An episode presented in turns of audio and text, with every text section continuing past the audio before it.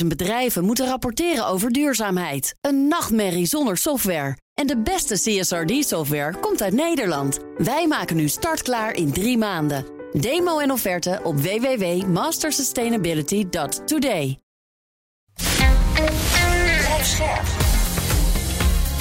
BNR Nieuwsradio. Boekenstein en de Wijk. Hugo Reitsma. Zo zit meteen oorlog in de eten. Ik kan je niet verstaan. Ik kan je niet verstaan.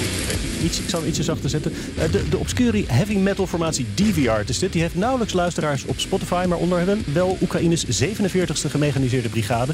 Die ze onder hun filmpjes monteert van het offensief in Zaporizhia. En zo Arend-Jan Boekenstein de mogelijkheid biedt zijn muzieksmaak te verbreden. Wij zoomen vandaag uit in het beeld en proberen de balans op te maken van het Oekraïnse tegenoffensief. Nu drie maanden oud. Bij Boekenstein en de Wijk. Op zoek naar de nieuwe wereldorde. Met de gast oud-luchtmachtofficier en HCSS defensiespecialist Patrick Boller. Wat een Patrick. pokkermuziek. Een pokkermuziek. Ja, dat is echt een heel eigen kwaliteit, Arend-Jan. Daar moet je je gewoon eens in verdiepen. Patrick, ja, misschien bij het begin te beginnen. Uh, begin juni begon het lang verwachte Oekraïnse tegenoffensief. Maar dat lijkt toen niet helemaal te zijn gegaan zoals gehoopt. Wat gebeurde daar? Nou ja, kijk, het is natuurlijk heel erg moeilijk um, om een aantal omstandigheden. Uh, Rusland heeft acht maanden de tijd gehad om die verdedigende stellingen in te richten. Met die mijnenvelden, die tankgrachten, de, de drakentanden, de, de loopgraven. En echt heel zwaar bemijnd. Tot wel vijf mijnen per vierkante meter hier en daar. Maar ook mijnen boven elkaar gestapeld. Bijvoorbeeld drie antitankmijnen boven elkaar. Zodat de antitank anti-mijnentank, moet ik zeggen. Dus de, de mijnenruimer Zodat uh, niet alleen beschadigd zou worden, maar ook echt vernietigd zou worden. En ja, daarna ook ja. niet meer verder kan worden ingezet. Of een antitankmijn en daaronder dan een antipersoneelsmijn begraven. Zodat als die tankmijn eruit gaat, dat die antipersoneelsmijn eruit uh, klapt. En, uh, en de genist die dat doet dus ook uh, beschadigd wordt. Of ja, ja, op zijn minst in ieder geval beschadigd. En heeft Oekraïne zelf ook iets verkeerd gegaan? Want er, er waren her en der allemaal verhalen van anonieme, geloof vooral Amerikaanse functionarissen... Ja. die toch zeiden, ja, ze hadden het toch anders moeten aanpakken. N nou ja, natuurlijk heeft Oekraïne ook fouten gemaakt. Uh, eenheden die niet goed getraind waren. Want er zijn natuurlijk een heleboel nieuwe eenheden getraind... maar voor een hele korte tijd. En ook in Nederland hebben wij zo'n soort stepped approach. Dus je gaat eerst enkele man trainen en dan met een groep van tien... en dan met een peloton en dan met een compagnie en dan met de brigade. En wat je hier ziet zijn voornamelijk brigadeoperaties. Ja, en als je niet getraind bent op het niveau van die brigadeoperaties... dan gaat er gauw wat fout. Uh, dus we hebben ze ook nauwelijks de tijd gegeven om dat goed te doen... Um, en vergeet vooral niet dat er geen luchtoverwicht is. Van beide kanten niet. Maar dat betekent ook dat helikopters en drones wel vrij boven het uh, strijdtoneel kunnen vliegen. En daarmee ook transparantie creëren. Dat betekent dat je ook niet je eenheden massaal bij elkaar kunt zetten. Want dat was een van de kritieken van de Amerikanen. Hè. Te weinig um, is de concentratie van de eigen eenheid om een doorbraak te forceren. Ja, dat is ook heel gevaarlijk als het gevechtsveld zo transparant is. Als er zoveel artillerie op je af kan komen. Dus wat je ziet is dat die eerste tegenvallers...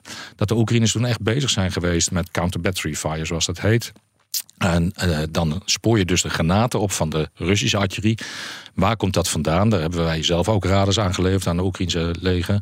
Um, die kunnen dan precies zien waar die granaat vandaan komt. En voordat die Russische granaat is geland, kun jij al vuur uitbrengen om de Russische artillerie uit te schakelen. Dat is heel succesvol geweest. En uh, nou, gebaseerd op wat de Oekraïense legerleiding vertelt, zijn de afgelopen 100 dagen gemiddeld 20 stuks Russische artillerie vernietigd. Dus 2000 stuks. Nou, dat is enorm veel. Maar daarmee creëer je wel vuuroverwicht aan de Oekraïnse kant. En kun je dan geleidelijk aan die mijnen gaan ruimen. Maar niet met materieel, want dat is ook weer heel link. Maar hebben echt mannetjes naar voren moeten sturen met prikstokken. Iedere 20 centimeter schuin in de grond. Kom je de mijn tegen, moet je hem uitgraven. Kan je alleen maar doen onder dekking van de duisternis. Dus ja, dat geeft wel aan hoe langzaam het gaat. Uh, nu hebben ze dan enkele paden vrijgemaakt. En daardoor is die doorbraak kunnen gaan. Ja, wat je nu ziet is dat je dat front eerst moet verbreden. Want voor je dat je verder gaat, moet je weer zorgen dat je niet al te veel last hebt van die vijandelijke vliegtuigen, de helikopters. Ja. Je moet je eigen artillerie, uh, opsporingsradars weer meenemen om de Russische artillerie te vernietigen. Ja, daarom duurt het gewoon zo lang. Ja. Rob, uh, van afstand bij ons. Ik hoor de laatste tijd ineens mm. weer wat meer optimistische geluiden over hoe het gaat met Oekraïne. Is dat ook jouw indruk? Ja, maar de vraag is natuurlijk is, uh, waar dat door komt. Uh, want als je heel goed volgt wat er op dit ogenblik gebeurt, dan zijn de doorbraken echt doorbraakjes. Uh, dat wil niet zeggen dat dat niet uh, bewonderenswaardig is wat daar uh, gebeurt. Maar het gaat inderdaad centimeter voor centimeter, letterlijk. wat Patrick net ook heeft gezegd.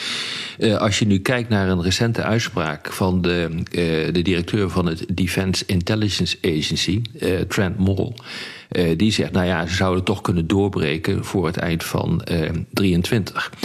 En uh, hij zegt van kijk, als ze door die eerste linie heen zijn, dan worden de volgende linies um, die worden lichter, want daar zitten minder tanks. Ze hebben dacht ik gisteren of eergisteren ook over uh, gehad.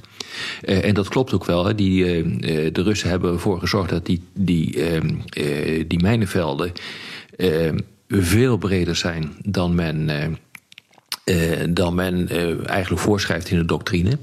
Uh, niet 120 meter, maar 500 meter. Nou, als je daar doorheen komt, dan is het inderdaad zo dat er veel minder mijnen liggen daarachter. Maar het grote probleem, vind ik, van dit soort voorspellingen, is dat die Russen dat natuurlijk ook wel weten. En we hebben gezien uh, de afgelopen maanden dat uh, die Russen zich continu aan het aanpassen zijn aan uh, die situatie. En dus helemaal niet handelen volgens het boekje en volgens de voorspellingen. En dat is natuurlijk logisch. Hm. In een oorlog is inherent onvoorspelbaar hoe die afloopt. en je moet ervoor zorgen dat je, dat je adaptief bent. Dat je niet handelt volgens het boekje en dat je dus echt onverwachte dingen doet. En dat doen die Russen op dit ogenblik. En dat, is een dat, is een, dat was voorspeld dat het ging gebeuren. En je ziet nu ook dat dat op een aantal punten effectief uh, is. En mag ik nog even uh, helpen herinneren aan uh, Ben Hodges, generaal. Uh, Amerikaanse generaal, die zei: voor het eind van vorig jaar hebben ze de Krim mm. gepakt. Nou, mm. uh, ze zijn 300 meter opgeschoten uh, sinds vorig jaar. De, het kan wel, hè, het kan wel, maar nu er straks even over praten hoe, hoe dat dan zou kunnen. Maar ja, ik bedoel, we zijn geen waarzeggers, dus we moeten daar ook heel voorzichtig mee zijn. En ik denk ook dat, uh, zeg maar, wat de uh, directeur van Defense Intelligence Agency zegt, ja, dat het ook in belangrijke mate pep talk is. Ja, nou, daar ben ik wel met je eens, Rob. Um, we zien dat wel de, de zwakkere eenheden, de, de gemobiliseerde Russen, die zitten in die voorste verdedigingslinies, die zijn heel zwaar. Daarachter zitten wel de betere eenheden, heb ik de indruk. Dus het is ook een stukje wensdenken, ja. daar ben ik wel met je eens. Van die volgende linies gaan makkelijker. Die hebben minder mijnen, die hebben misschien minder versperringen en, en stopmogelijkheden. Maar vergeet niet dat de eenheden daarachter wel degelijk goed getraind zijn. Aan de andere kant zitten ze ook al heel lang in die oorlog, hebben nauwelijks rust gehad, worden van het ene front naar het andere gesleept. Uh, en dat spreekt dan weer in een nadeel. Dus het is ook een hoop wensdenken, dat ben ik met je eens. Maar ik denk wel dat Oekraïne hier, um, als ze dit weten vasthouden, deze kleine doorbraak bij Robotine, mm. en de breedte kunnen uitbouwen, dezelfde attritie kunnen toepassen zoals ze het de afgelopen maanden hebben gedaan. Ja, dat ze dan geleidelijk aan wel verder gaan. Maar inderdaad, voor het eind van het jaar de kern bereiken, nee, dat, is, dat zie ik ook niet mogelijk. Het zou kunnen als de boel instort. Als ja, de boel instort, dan, eh, dan zou het kunnen. Ik bedoel, er gebeuren ja. eh, tijdens oorlogen, dat weet je ook heel erg onverwachte onverwachte dingen. Maar het, een, een, een, fundamenteel probleem, en ik ben heel benieuwd wat jij ervan vindt, is: kijk, deze oorlog, die begon, eh, althans deze opmars, die begon uh, een paar maanden geleden, drie maanden geleden, als een manoeuvreoorlog. He, dus je manoeuvreert met grote eenheden van verbonden wapens. Uh, je pakt een uh, brigade, er zijn toen ook door het Westen getrainde brigades ingezet met westers materieel. Dat is. Dat is eh, dus dan, dan, dan ga je proberen te manoeuvreren, je probeert uh, druk op te bouwen en dan probeer je erheen te stoten. Dat is gewoon niet gelukt. En ook die, uh, die, die westers getrainde brigades hebben dat gewoon niet goed gedaan. Die, daar, zijn er ook een aantal gewoon van, van, van de kaart geveegd. Maar dat, dat dus, ligt ook aan mijnenvelden. Dat, dat voorkomt ook echt ja, dat je zeker. gaat manoeuvreren. Ja, exact. En, nou ja, exact. Ik bedoel, dat hadden we ook niet van kunnen verwachten natuurlijk. Zeker zonder, nee, zonder dekking in de lucht. Maar ze hebben het wel gedaan. Ja. Ja. Nou, exact. Maar waarom doen ze dat dan? Uh, uh, Omdat de Amerikanen dat misschien afdwongen van ze, dat weet ik niet. Maar ik, ik zei ook al van, uh, dit gaat natuurlijk niet werken. Want je kunt alleen maar nee, lateraal manoeuvreren langs het front, maar niet door het front heen op deze manier. Dus ik snapte dat ook niet. En ik denk dat een van de fouten is die ze in het begin gemaakt maar hoe kan, hebben. En daarna maar, maar hoe kan het zijn. nou? Ja. ja, maar hoe kan het nou ja. dat wij dat zien? Ja. En dan vervolgens eh, worden we natuurlijk ook op de sociale media helemaal kapot gemaakt, omdat eh, we eh, er geen verstand van hebben. Wij zien dat. Jij ziet het, ik zie het. We hebben dit ook vaak genoeg gezegd. Dan verschuift het naar een attritieoorlog. Oftewel, dan maak je zoveel mogelijk kapot ja. en je blijft maar je artillerie inzetten uh, tot uh, de tegenstander ermee ophoudt. Omdat Ik we meer afstand zo hebben misschien. Ja, maar we hebben misschien wat Ja. meer afstand. En we proberen dat toch wel even een beetje onpartijdig te bekijken. Ook al zijn we natuurlijk, tenminste ik wel, voor een Oekraïnse winst. En jij ook volgens mij. Ja, ik ook. Ja, ehm, Maar, maar je moet ook wel je professionele distantie houden als je dit gaat beoordelen. En dan, dan zie je inderdaad rare dingen. En ja, zonder luchtoverwicht een manoeuvreoorlog gaan doen. Ja, dat is gewoon dood. eh, of vragen om de dood van je eigen eenheden. Hey Patrick, als het dus nu een slijtageslag is geworden, je zegt nou aan de Russische kant hebben we inmiddels kunnen we 2000 stuks artillerie afstrepen. Weten we ook hoe het dan aan de Oekraïnse kant staat? Want bij een slijtageslag is natuurlijk wie het eerst afgesleten is. Hebben we daar dan een beeld van? Dat, dat is het hele probleem bij deze oorlog. Als je die objectief wil bekijken. De, de informatie die je krijgt. En ik probeer het wel zoveel mogelijk te bekijken. Eh, eh, niet alleen maar wat, wat eh, pro-Oekraïnse bloggers. Maar ik volg ook Rebar. Dat is die hele ja, bekende Russische mailblogger. Geeft over het algemeen wel dezelfde kaartjes overigens. Als de pro-Oekraïnse. Alleen die heeft er een heel ander verhaal bij. Ja. Ehm, en dat maakt het wel moeilijk hoor, als je maar een deel van de informatie hebt, om dan puur te bekijken wat is er aan de hand. Maar natuurlijk zijn er aan de Oekraïnse kant ook enorme verliezen. En, en eh, ook aan materieel. En eh, ja, daarom is het ook van belang dat wij als het Westen die materieel blijven leveren. Kijk, de mensen gaan we niet leveren, want dan zijn we er zelf direct in oorlog. Maar wel het materieel en de trainingen en, en de financiële steun. Dat is enorm belangrijk, ook voor onze eigen toekomstige vrijheid en democratie hier. Maar die precieze cijfers, ja, ik weet het ook niet. Volgens mij zijn aan beide zijden inmiddels daar in het zuiden de reserves ingezet. Betekent dat het het ergens tot een conclusie moet komen ergens binnenkort? Ja, nou ja, uiteindelijk wel. Want ehm, wie, verliest het eerste de, de wil en de mogelijkheden om te vechten? Daar gaat het altijd om in een oorlog. En, en of dat nou met, met drones is, wat we nu heel erg zien. Hè, deze oorlog is helemaal een droneoorlog geworden. Zeker de laatste maanden. Ehm, daarmee stel je je eigen slachtoffers uit. Want je wil de vijand zoveel mogelijk slopen voordat je fysiek met hem in contact komt. En daarvoor gebruik je op afstand bestuurde middelen. Ehm, maar uiteindelijk, ja, wie, de wil tot vechten verliest, of omdat hij niet meer kan, omdat hij geen eh, granaten meer heeft, geen mensen meer heeft, geen, geen middelen meer heeft. Ja, dat weet ik niet. Ze zijn nu naaster op zoek, beide kanten natuurlijk, naar nieuwe granaten. Eh, Noord-Korea, het bezoek van Kim Jong-un aan eh, Vladivostok. Ehm, eh, op zoek naar mensen. Mensen Cuba zijn zelfs, worden zelfs geronseld voor Rusland. Eh, en dat kan Oekraïne eigenlijk niet doen. Dat is het probleem. Mensen. Ehm, en maar materieel, dat kunnen we wel leveren. En dat zullen we ook moeten leveren. Ja. Even tussendoor. Het jingletje. Vergeet dat nog wel eens in te starten. Zit er toch maar in. De Wijk.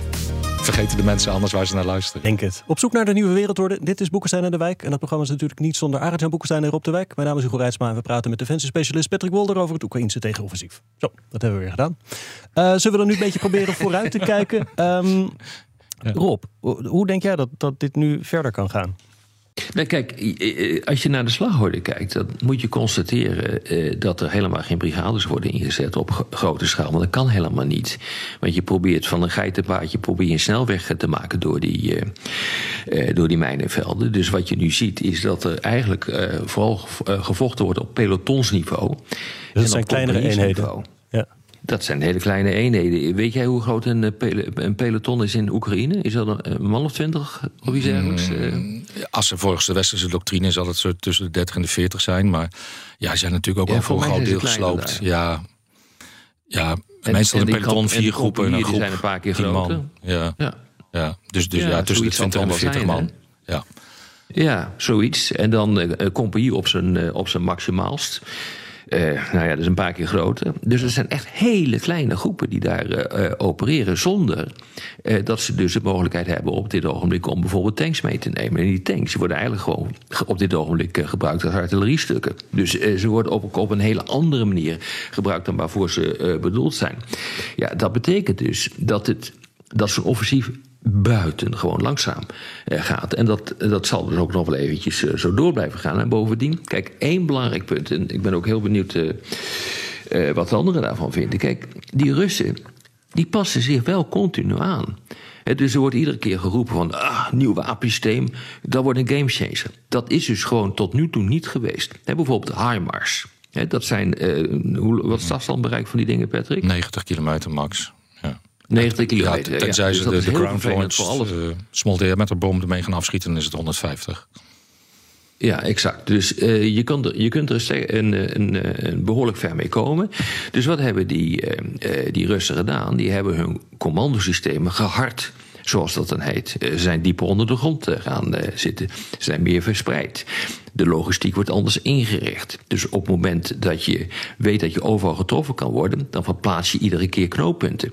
Nou, dat gebeurt ook met die storm shadows. ook daarvan werd gezegd, dan, dat, nu gaat het goed. Nou, dus niet. En dat komt omdat die Russen zich continu aanpassen. En dat betekent dus dat het een hele lastige eh, tegenstander is. Wat vind jij daarvan? Ja, dat ben ik met je eens. Uh, er is geen. Nou, er is één gamechanger eigenlijk. En dat is de luchtverdediging. Als Oekraïne niet uh, in staat was geweest om de luchtverdediging te behouden in het begin. En met de westerse middelen, die luchtverdedigingsmiddelen die allemaal geleverd zijn. Als dat niet was gebeurd, dan was Oekraïne al van de kaart geveegd. Dus hmm. als we het hebben over een, um, een gamechanger systeem als geheel, zou ik zeggen, de luchtverdediging is echt cruciaal geweest. Um, maar, maar voor de rest, de nieuwe middelen, ja, door die adaptatie. Uh, nu ook weer krijgt de, komen de Abrams tanks deze maand, voorzien van uh, depleted uranium, verarmd uraniummunitie. Geeft ze wel weer een kleine voorsprong, maar gaat het niet veranderen, omdat je geen mobiele oorlogvoering hebt. Je hebt geen manoeuvreoorlogvoering waarmee je de tegenstander kan uitlokken om zijn tanks naar voren te trekken, die je vervolgens dan vernietigt. Juist vanwege al die versterkingen. Dus ook dat zal zeker geen gamechanger zijn. Nee, wat ik al zei, het blijft eigenlijk heel langzaam voorwaarts gaan. Een kleine doorbraak, zorgen dat je die verbreedt. Dat je daar dezelfde attritiestrategie weer kunt toepassen... die de afgelopen maanden is ook toegepast. Zwakke punten creëren. Hopen dat Rusland troepen moet wegtrekken van een ander punt. En dat Oekraïne dat dan kan exploiteren. En zo op een andere plek weer een doorbraak gaan doen. Maar ik zie geen hele snelle opmars door de huidige linies heen. Ze moeten er nog twee, drie, vier slechte. Uh, ja, positief kan zijn. Minder sterk bemenst. Maar ja, het zal allemaal niet makkelijk gaan. Nee, absoluut niet. nou, waar kom je dan uiteindelijk uit? Oh, sorry, ja, Jan. Nou, weet je, die is er ook nog. Laat ik nog even een positief element inbrengen. Gewoon, uh, kijk, de Amerikaanse ex-generaals zeiden allemaal van... ze moeten gewoon geconcentreerd met heel veel tanks aanvallen. Dat was dus een ramp geworden. Het was gewoon een ramp geworden. zeker. En de Oekraïners hebben terecht gezegd: wij gaan dat juist, wij gaan mensen sparen zoveel mogelijk. We stoppen ermee na twee weken. En we gaan s'nachts lopend en met die stok proberen ja. mijn voor mijn. Nou, als ik dat tot me door laat denken, dat betekent logischerwijs dat ze met die strategie hebben ze dus tanks gespaard. Hè. Die worden inderdaad als artilleriestukken die gebruikt. Ze hebben er ook mensen mee gespaard. En mensen zijn heel belangrijk voor u. Daar hebben ze niet veel van. Hè. Nou, heel misschien dat deze hele langzame strategie dat die op termijn er toch toe kan leiden dat ze dus die snelweg breder kunnen maken. En als dan alles mee zit, en dan weet je wat, dat betekent dat de Russische versterkingen lastig worden, de Russische munitie ook lastig, maar dat geldt ook in Oekraïne, dan kunnen ze heel misschien verder komen. Ja. Toch? Nee, ja, daar heb je helemaal gelijk in. En die westerse panzerwagens en de westerse tanks hebben er wel voor gezorgd dat als ze op een mijn rijden, dat de bemanning over het algemeen overleeft. Als ze geraakt hm. worden door de antitankmunitie, dat de bemanning toch beter beschermd is dan met de oude Sovjet-gebaseerde spullen die ze hadden. Dus dat is inderdaad in het voordeel. Maar ja, het zal langzaam gaan, uitbreiden, doorgaan met die attritie. Zorgen dat je veiligheid van optreden hebt aan het front. En dan weer een stukje verder. En, en dan het punt wat Hugo eh, een week geleden al zei, of twee weken zelfs. Die jongen heeft dus een profetische kwaliteit. mm zei van je hoeft helemaal niet de zee van Azov te raken. Nee, klopt. Je moet zorgen dat de vijandelijke logistiek onder vuurbereik ligt. En dat je die kunt blijven verstoren. Ja. En dat is misschien wel mogelijk. Dat zou misschien haalbaar kunnen zijn in dit offensief? Ja, dat kan wel haalbaar zijn, maar daarmee verover je het gebied niet. Ik bedoel, neem van mij aan dat je echt wil je een gebied veroveren onder controle krijgen, dan moet je er zijn. Dat kun je, je kunt dus uh, de Russen het leven ongelooflijk zuur maken. En dat moet je ook vooral doen uh, door uh, de logistiek bijvoorbeeld en de commandovoeringssystemen, om die te treffen met lange afstandssystemen. Daardoor kan je inderdaad Oekraïne, daardoor kan je inderdaad de Krim in zekere zin afsluiten van, eh, van Rusland. Maar wil je het gebied onder controle krijgen, wil je het heroveren, dan moet je er echt in. Daar is geen andere mogelijkheid voor. Je, het is onmogelijk. Um, in de geschiedenis is het nog nooit gebeurd dat je door middel van dit soort lange afstandsbombardementen kan, voor kan zorgen dat een, uh, dat een tegenstander weggaat. Het, waar dat dicht tegen aankwam was in 1999 in de Kosovo-oorlog. Ja, maar, maar je, Rob, je kan wel zeggen, je put dus de, de aanvoerlijn naar de Krim sluit je af van één kant. Kan nog steeds over zee, hè? Mhm. Maar goed, dat maakt dus op lange termijn dus de... de, de ja, maar de Russen gaan daardoor niet weg. Hè? Kijk, je, kan ze wel Die uitputten, verhongeren, uitroken. Eigenlijk een middeleeuwse uitrookstrategie. Uh, Maar, maar het heeft nooit geleid tot dat Maar- ze massaal wegtrekken. Maar zo ging het toch in Gersonstad eind vorig jaar. Dat ze daar eh, de Russen zo onmogelijk hebben gemaakt. Dat ze zeggen, ja, we moeten maar eh, vluchten over de rivier. Ja, Ja, maar Toen maar- kon Oekraïne Wacht, opstoten. Hugo, Ja, maar Gersonstad was natuurlijk niet een onderdeel van de Russische federatie. Nee. Zoals ze wel de Krim hebben verklaard. Dus daar zit wel een ander ding in. eh. Nee, maar eh, ook, eh, jongens, maar hoor eens even. Gersonstad lag aan de andere kant van de rivier. Ja, ja. Dus als je helemaal in de pan wil worden gehakt. staat in de val. En eh, die, die- die- wij, hebben daar, eh, wij hebben erop geweest dat die kans vrij groot is dat, eh, dat die Russen er allemaal in de pan worden gehakt. Ze hebben geprobeerd om door middel van attritie, als, met die HIMARS, hebben ze geprobeerd om de, de logistiek zoveel mogelijk te ontregelen, de commandovoering zo mo- mogelijk te ontregelen. En ze zijn gewoon, op een gegeven moment zagen ze dat dat ging gebeuren. Ze zagen dat ze compleet van de kaart zouden worden geveegd. En toen hebben ze zich gewoon teruggetrokken. En de, de Krim is echt anders. En eh, eh, eh, Zuid-Oekraïne is echt anders. Kun je niet met elkaar vergelijken. Dus iedereen hier is het wel over eens dat het Oekraïnse offensief niet gaat eindigen aan de kust van de zee van Azov. Waar staat Oekraïne dan? Als, als dan de winter valt en misschien het gevecht wat, Ja, wat luwt, wat wat dan? Ja, dat, dat, dat weten we niet. Ehm, het is niet te verwachten dat Oekraïne eh, geheel weer in Oekraïnse handen is. Dat, dat kunnen we wel vergeten deze winter. Ehm, de condities kunnen wel worden geschapen zodat in het voorjaar ehm, of betere onderhandelingspositie, maar dat is niet aan ons om te bepalen. Dat zal echt aan president Zelensky zijn. Of om te zorgen dat de Oekraïners nog beter getraind zijn, een betere strategie gaan ontwikkelen om geleidelijk aan wel ja, grote delen van Oekraïne terug te winnen. De Krim, dat, dat blijft heel moeilijk, want enerzijds wil je de Krim afsluiten, dat betekent dat je de bruggen, en dat zijn er eigenlijk maar vier of vijf, moet vernietigen. Kan nog wel via het water worden bevoorraad, maar door de Oekraïnse onbemande water, eh, ehm, de Oekraïnse maritieme drones ehm, kun je dat ook nog redelijk afsluiten. We zien dat de Russische marineschepen niet echt heel vaak de haven uit durven te komen van Sevastopol. Ehm, maar als je die brug hebt vernietigd, dan kan je er zelf ook niet overheen trekken. Dus dan wordt het een beetje een probleem. Want je brugslagmateriaal nodig. Op het moment dat je dat gaat inzetten, ben je kwetsbaar voor vijandelijke aanvallen.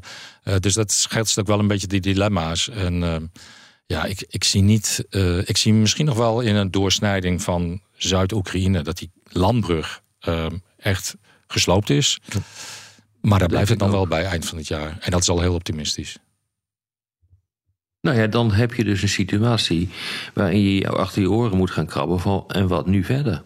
Want eh, eh, als je het ge- gebied terug wil veroveren, dan heb je ook gewoon een overwicht aan aantallen soldaten nodig. Nou, die kun je niet genereren als Oekraïne, voor zover ik het nu kan zien. Nee, dat ben ik met je eens. Ehm, en, en ze vechten nog steeds met één hand achter de rug. Eh, de F-16's gaan niet de gamechanger zijn, dat zeg ik van tevoren. Maar gaat ze natuurlijk wel helpen. Maar het is pas volgend voorjaar Ja. of zomer. Ehm, en, en dat zie je nu wel. Hè. Die, de Oekraïners zijn ook bezig om het slopen van de Russische luchtverdedigingssystemen. Ook afgelopen 100 dagen hebben ze er zo'n 150 vernietigd. Volgens de Oekraïnse generale staf dan, moet ik altijd wel bij zeggen. Ehm, en met de droneaanvallen op Rusland zelf. En we hebben net van de week gelezen ook dat er twee Russische generaals worden aangeklaagd voor corruptie. En die waren verantwoordelijk voor de luchtverdedigingssituatie. Daar gaat dus wat veranderen. De Russische bevolking zal ook tegen het Russisch leiderschap zeggen van... dagelijks komen hier Oekraïnse drones over... en jij moet voor mijn veiligheid zorgen, dat doe je niet. Nou, dat zal betekenen dat de Russen ook meer luchtverdedigingssystemen... in Zuid-Rusland moeten zetten, Zuidwest-Rusland. Hebben ze al weggehaald hè, bij de Japanse eilanden daar, S-400-systemen. Maar die zullen ze misschien ook wel moeten weghalen uit Zuid- en Oost-Oekraïne. Waardoor die luchtsituatie voor de, straks de F-16's weer ietsjes gunstiger wordt... Ehm, en die hebben ze wel keihard nodig om het luchtruim schoon te vegen, om over de grond die manoeuvre te doen. Maar ja, dan hebben we het pas over zomer volgend jaar, dus over eh, tien maanden. Nog één puntje wilde ik vragen. Nee, we lopen alweer eh, uit de tijd, dus sorry Rob. Ehm, eh, het, het gaat dus nog wel een hele tijd duren, kunnen we hier eh, het vermoeden vaststellen. Ondertussen zien we de strijd zich natuurlijk ook op een bepaalde manier verbreden. Eh, er wordt gevochten op de Zwarte Zee, drones op Moskou. Nou, eh, laatst is er iets in Roemenië eh, neergekomen. Is dat niet een risico dat alleen maar toeneemt naarmate de tijd vordert? Ja, maar dat, dat, dat zien we ook, om, omdat juist het gevecht op de grond zo enorm langzaam gaat. ehm, zie je dat er andere middelen worden geprobeerd om wel voortgang te krijgen. Inderdaad, de Zwarte Zee is nu ook een oorlogstoneel geworden. De economie natuurlijk, de aanvallen op de graan. Gaat eh, afgelopen week iedere dag weer hè, aanvallen op de graaninfrastructuur. Drones die dan misvallen. Wat wordt de reactie van de NAVO? Eh, ja, ehm, het gaat niet de goede kant op, laat ik Nee, dat zeggen. Voor de, voor de Nee, mondiale misschien toch veiligheid. nog even één punt. misschien toch nog even één punt. Als dus inderdaad uh, dat uh, gebied wordt doorsneden. En op een of andere manier uh, ook zeg maar de, de kuststrook van de zee van Azov onder vuur komt te liggen. Dan ben ik heel benieuwd wat de Amerikanen gaan doen. En de Amerikanen hebben gezegd, in tegenstelling tot de Europeanen, wij willen wa wa wapens leveren om ervoor te zorgen dat uh, de Oekraïners in een zo goed mogelijke onderhandelingspositie uh, gaan komen. Het zou me niet verbazen als de Amerikanen dan gaan, uh, gaan duwen op onderhandelingen. Hm. Wat, wat vinden jullie, jongens? Ja, het ligt er een beetje aan, ten eerste, hoe de Amerikaanse politiek zich ontwikkelt, denk ik. welke president, kandidaat wordt het en welke president. Ja, maar dit kan dus nog net, hè? Dit is nog uh, voor de verkiezingen.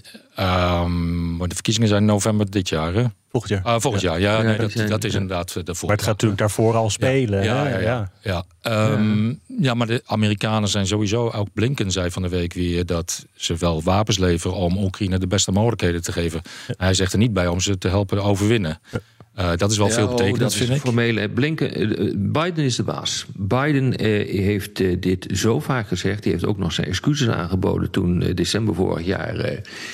Zelensky in het Witte Huis was. Die zegt van dit is mijn doelstelling en sorry Zelensky, maar dit is het.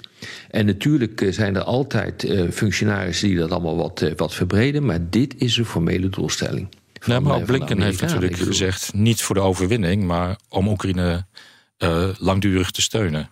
Ja. Uh, dus ja, wat betekent ja, dat, dat, inderdaad? Ja, ja, Kijk, weet je, het grote probleem is dat de Amerikanen kunnen dit nooit openlijk zeggen. Dit wordt alleen maar dus in het geheim medegedeeld. en dan hopen ze dus dat Zelensky op een gegeven moment uh, vanuit een wanhopige positie ja. omgaat.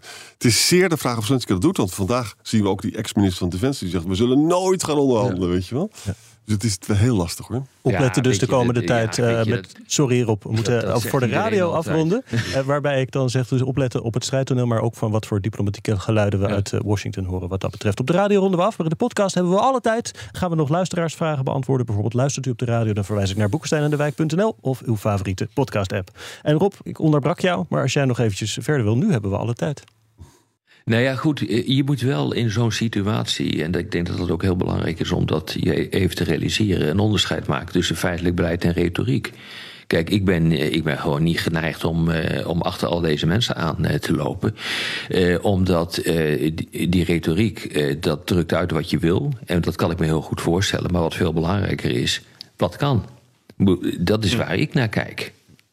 Ja, maar er is ook, een, ook, ja, dat is het. Er is ook een situatie mogelijk, Rob, waarbij dus uh, Zelensky de politiek de draai gewoon niet kan maken. Ook vanwege de publieke opinie. En dat hij dan dus Klopt. de facto op een frozen conflict uitkomt. Hè? En, en maar, maar, maar de retoriek niet aanpast aan het frozen conflict. Begrijp wat ik bedoel? Hmm. Ja, maar het, het ja. hele probleem hierbij ja, ja, is natuurlijk... je moet zaken doen met, met Poetin als je tot een wapenstilstand wil komen. Als eerste. Maar wat is dat waard? Um, er zijn sancties tegen Noord-Korea... Um, daar mag je geen wapens van afnemen. Maar nu, als de Russen dat wel gaan doen, dan zeggen ze: ja, we hebben die sancties ook ondersteund. Ook Rusland heeft die sancties in de Verenigde Naties ondersteund. Mm-hmm. Nou, dan trekken we onze handtekening toch in over, onder dat verdrag. Mm. Dus wat, wat, is een verdrag met, met Rusland Niks. straks waard? En dat is ook het risico natuurlijk waar Zelensky op wijst. Ja. En terecht. We kunnen straks wel onderhandelingen starten en dan hebben we een overeenkomst. Maar als het, als het Poetin niet zint, dan zegt hij na een jaar van ik verscheur die overeenkomst en ik ga weer verder. En dat is natuurlijk wel het grote gevaar wat hierin in, uh, schuilt. Ja. Dus onderhandeling nou, dan, is eigenlijk niet dan, mogelijk. Dan krijg je. Uh, heel ingewikkeld. Nou, nu niet. Nee, nee nu niet. Nee, nee er is, is vorig jaar is er onderhandeld. Uh, maar op dit ogenblik kan dat niet. Het heeft nu een, een dermate dynamiek. Uh, dat uh, de beide partijen komen niet heel veel verder. En ik raad je ook echt aan om te kijken wat er in Kupiansk uh, gebeurt hoor. Mm. daar zijn de, de Russen tegengehouden door de klussenmunitie van, die, die, de Amerikanen hebben geleverd. Dus dat is wel echt heel belangrijk wat daar gebeurt. moet echt, ik bedoel, dat is een, dat, daar wordt onvoldoende naar gekeken. Vind, vind je ook niet, Patrick? Nou ja, langs het hele front gebeuren een heleboel dingen. positioneel gebeurt er niet zo heel veel. Uh, het is een beetje links en een beetje rechts. Um, maar de Russen, zeker in het noorden, zijn echt wel hard aan het drukken en hebben kleine terreinwinsten. Ja. Uh, Oekraïners zijn daar aan het tegenhouden. En daar ook dat tegenoffensief van de Oekraïners in het zuiden, bij Zaporizhia, bij Robotine. Ja, daar hopen de Oekraïners natuurlijk ook dat de Russen hun betere troepen daar naartoe moeten trekken. Dus het is een beetje een waterbed idee. Mm. Je hebt de indruk als er ergens niet hard genoeg ja, gedrukt exact. wordt, ontstaat er ergens anders weer een bult. Wie kan dat het beste uitnutten? Wie heeft de beste informatie daarover? Daar gaat het eigenlijk. Um, En we zullen zien dat straks als één partij echt dreigt te verliezen, die zal dan zeggen. Ja, en nu wil ik wel onderhandelingen gaan doen. Maar ja, dan zegt de andere partij: Ja, maar ik ben nu aan het winnen. Ik ga nou nu met jou onderhandelen. Ja. En dat maakt het natuurlijk wel heel moeilijk. Ja. We En moeten, een einde aan te we moeten ook een verschil maken tussen onderhandelingen en een staakt het vuren. En staakt het vuren Mhm. betekent verder nog helemaal niks. Dat is vaak alleen maar tijdelijk. Maar wel een afspraak die, waarvan je moet vertrouwen dat die wordt nagekomen. En, Ja. en kunnen we dat? Kunnen we dat en- vertrouwen en- opbrengen? En dat kunnen we dus niet. En dat betekent dus we moeten, waar wij over moeten nadenken. Als er vanuit de wanhoop een soort staakt het vuren komt, wat misschien maar tijdelijk is. Wat gaan wij dan Ja. doen? Ja. En wij zullen de afschrikking van Oekraïne moeten versterken voor een reconstituerende Poetin. En daar wordt helemaal niet over nagedacht. Ja, dat klopt. Ja, en dat is jammer, want Nee, dat je zou nu dus ook. eigenlijk al in de NAVO-lidstaten moeten zeggen... jullie idee, ook wat je eerder zei, hè, zo gauw er een wapenstilstand is... het gedeelte van Oekraïne wat niet bezet is, bij de NAVO trekken. Maar dan moet je nu wel in alle lidstaten Ja, praten. over praten... over besluitvorming over eh, nemen, dat zo gauw dat een feit is... dat er dan gezegd wordt, oké, de rest is nu bij de, bij de NAVO. En dat betekent niet dat het daarbij stopt. Dat is wel weer het dilemma voor Zelensky. Als hij daarmee akkoord zou gaan... Ja. geeft hij de facto misschien ook wel weer een deel van Oekraïne op... Ehm, en dat maakt het natuurlijk ook wel weer heel erg ingewikkeld om eh, hier goed uit te komen. Dilemma op dilemma. Maar ik, zie niet, ik, ja, ik zie niet goed hoe je anders Oekraïne bij de NAVO zou kunnen eh, trekken. Nee, ben ik met je Ik- eens. ik maar ook Zelensky moet daar natuurlijk voor openstaan. En als hij zegt van, ik ga akkoord met het deel wat niet bezet is bij de NAVO... ja, zegt hij daar nee, niet impliciet van... ja, de rest, dat laat ik dan maar bungelen. En wat zegt Ja. dat over zijn herverkiezingskansen? Ja, dat ook klopt. daar vind ik Ja, verkiezingen dat, dat, klopt. Ja. Zullen we nog even een paar dus er wordt, luisteraarsvragen eh, doen? gewoon Doorgeknokt. ja, kom maar. Eh maar Sjors L. Die vraagt: Heren, kunnen jullie een update geven over de munitiesituatie? Hoe is de aanvoer van munitie voor de luchtverdediging? 105 en 155 mm artillerie. Alle voorraden leken enkele maanden geleden beperkt, met weinig productie en beperkte aanvoer. Hoe staat dat er nu voor? Het nieuwste wapenpakket van de Amerikanen. eh, die laten weer eh, munitie zien voor, eh, voor de luchtverdediging. Volgens mij Patriot-raketten weer. NASAMS.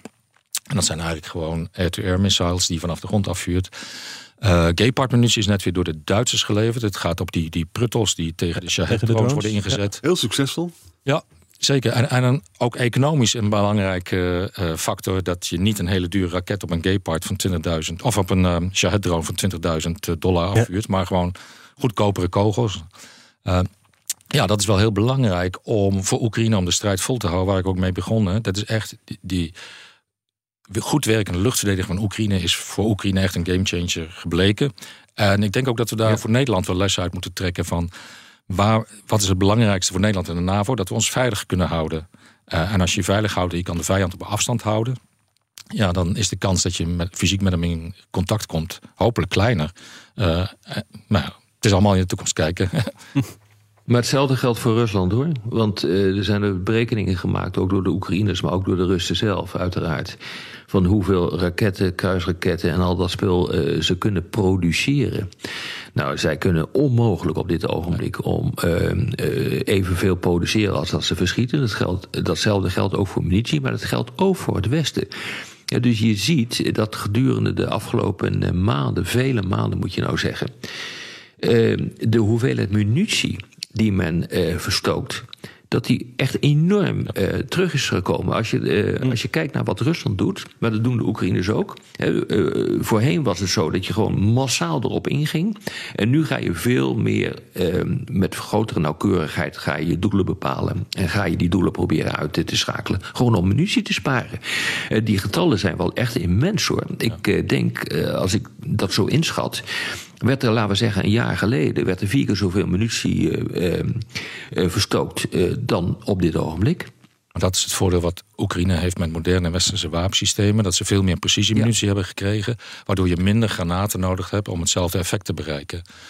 Ja, dat klopt. Maar moeten ze wel nou ja, blijven geleverd worden. Het... Ja. Ja, maar er zit dan wel weer het probleem bij dat uh, de elektronische oorlogsvoering ja. Door, Oekra door uh, Rusland echt gewoon heel goed georganiseerd is. Uh, dus die, dat was eerst waardeloos bij het begin van de strijd. Maar je ziet nu dat dat helemaal geïntegreerd is en nu loopt dat goed. En dat, dat, dat, ik, ik vind dat dat een onderbelicht thema is. De, het aanpassingsvermogen van de, van de Russen.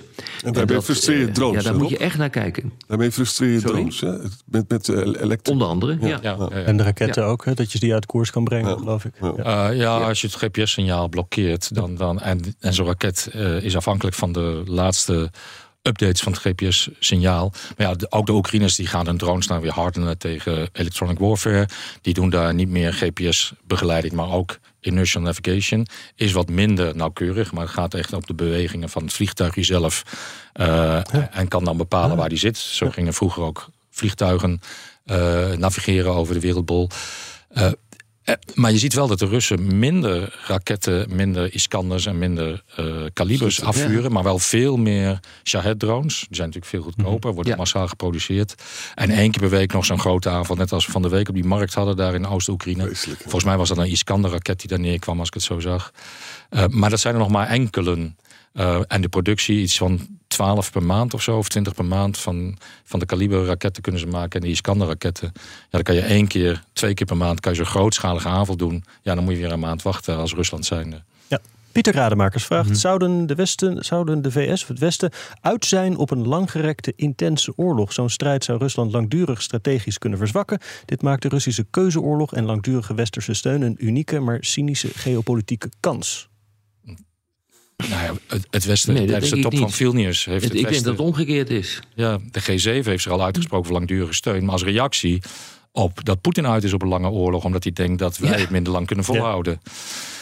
Dus ja, um, laten we hopen dat het zo is dat wij het langer kunnen volhouden. Uh, de G7 zegt van wel, maar um, ja, ook in Europa zijn natuurlijk allemaal verkiezingen aan de hand. En wie uh, wie wordt dan uh, de leidende politicus? En is die steun nog zo? Is dat bron? Is, dit, is dat front wat wij vormen tegen Rusland nog zo onaantastbaar en zo breed en zo sterk? Het geldt wel voor sommige Chinezen. Sommige Chinezen die zeggen, hebben de redenering van... het is fijn dat Amerika vastzit in de Oekraïne. Dan hebben we bij Taiwan nog geen, uh, geen ellende. Hè?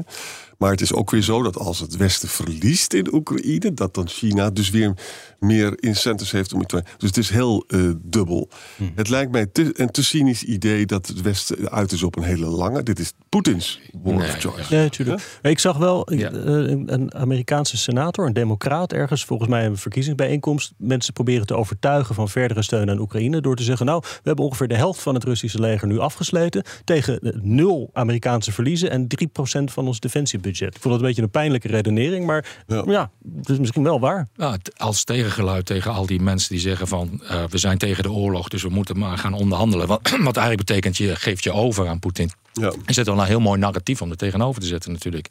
En dat mhm. geldt ook wel voor het Westen, denk ik. Als je ziet dat Nederland is nu trouwens een van de grootste Europese wapendonateurs van uh, Oekraïne geworden hè, in oh Europa. Um, en Europa schijnt Amerika nu ook voorbij te zijn gestreefd. Dus, uh, en dat geeft wel weer aan hoe Europa op dit moment erin staat. Uh, dus ja, Poetin wil een langdurige oorlog, maar wij geven wel met z'n allen het signaal af van dat kan jij wel willen, maar wij blijven Oekraïne heel lang steunen. Misschien dat dat gaat helpen. En bedenk goed, het was een democraat. Hè. De Republikeinen zitten heel anders in de wedstrijd. Er zijn steeds meer Republikeinen die geen blanco cheque willen afgeven. Mhm. Maar er zijn ook steeds meer republikeinen die gewoon helemaal niet meer willen steunen. En dat is eng. dat is eng. Ze, ze willen uh, niet te ver afwijken van Trump, omdat ze kans willen maken op een mooie positie natuurlijk. Uh, of zij daadwerkelijk zo in de wedstrijd staan, ik betwijfel het. wat we hopen... De meerderheid is nog altijd voor steun aan Oekraïne. Ja. Uh, maar ook in de democratische partijen, aan de linkerkant helemaal, zijn ook Um, ja. Mensen die ook tegen dus de wapensteun zijn. Maar bipartisan is nog steeds een grote meerderheid. Kijk, wat, wat ik hoop als Trump zou worden herverkozen... dan is het nog steeds zo dat dus de Verenigde Vergadering ermee door wil. Dus de congres. Maar uh, het is niet zeker. Nee, nee het is niet zeker. absoluut niet. Nee. Dat is het grote vraagteken dat er boven blijft hangen. Ja. Dit was er Boekenstein en de Wijk. Namens Arend Boekenstein en Rob de Wijk zeg ik dank voor het luisteren. Speciale dank aan Patrick Bolder. En fijn weekend. Is gelijks. 50.000 bedrijven moeten rapporteren over duurzaamheid. Een nachtmerrie zonder software. En de beste CSRD-software komt uit Nederland. Wij maken nu startklaar in drie maanden. Demo en offerte op www.mastersustainability.today.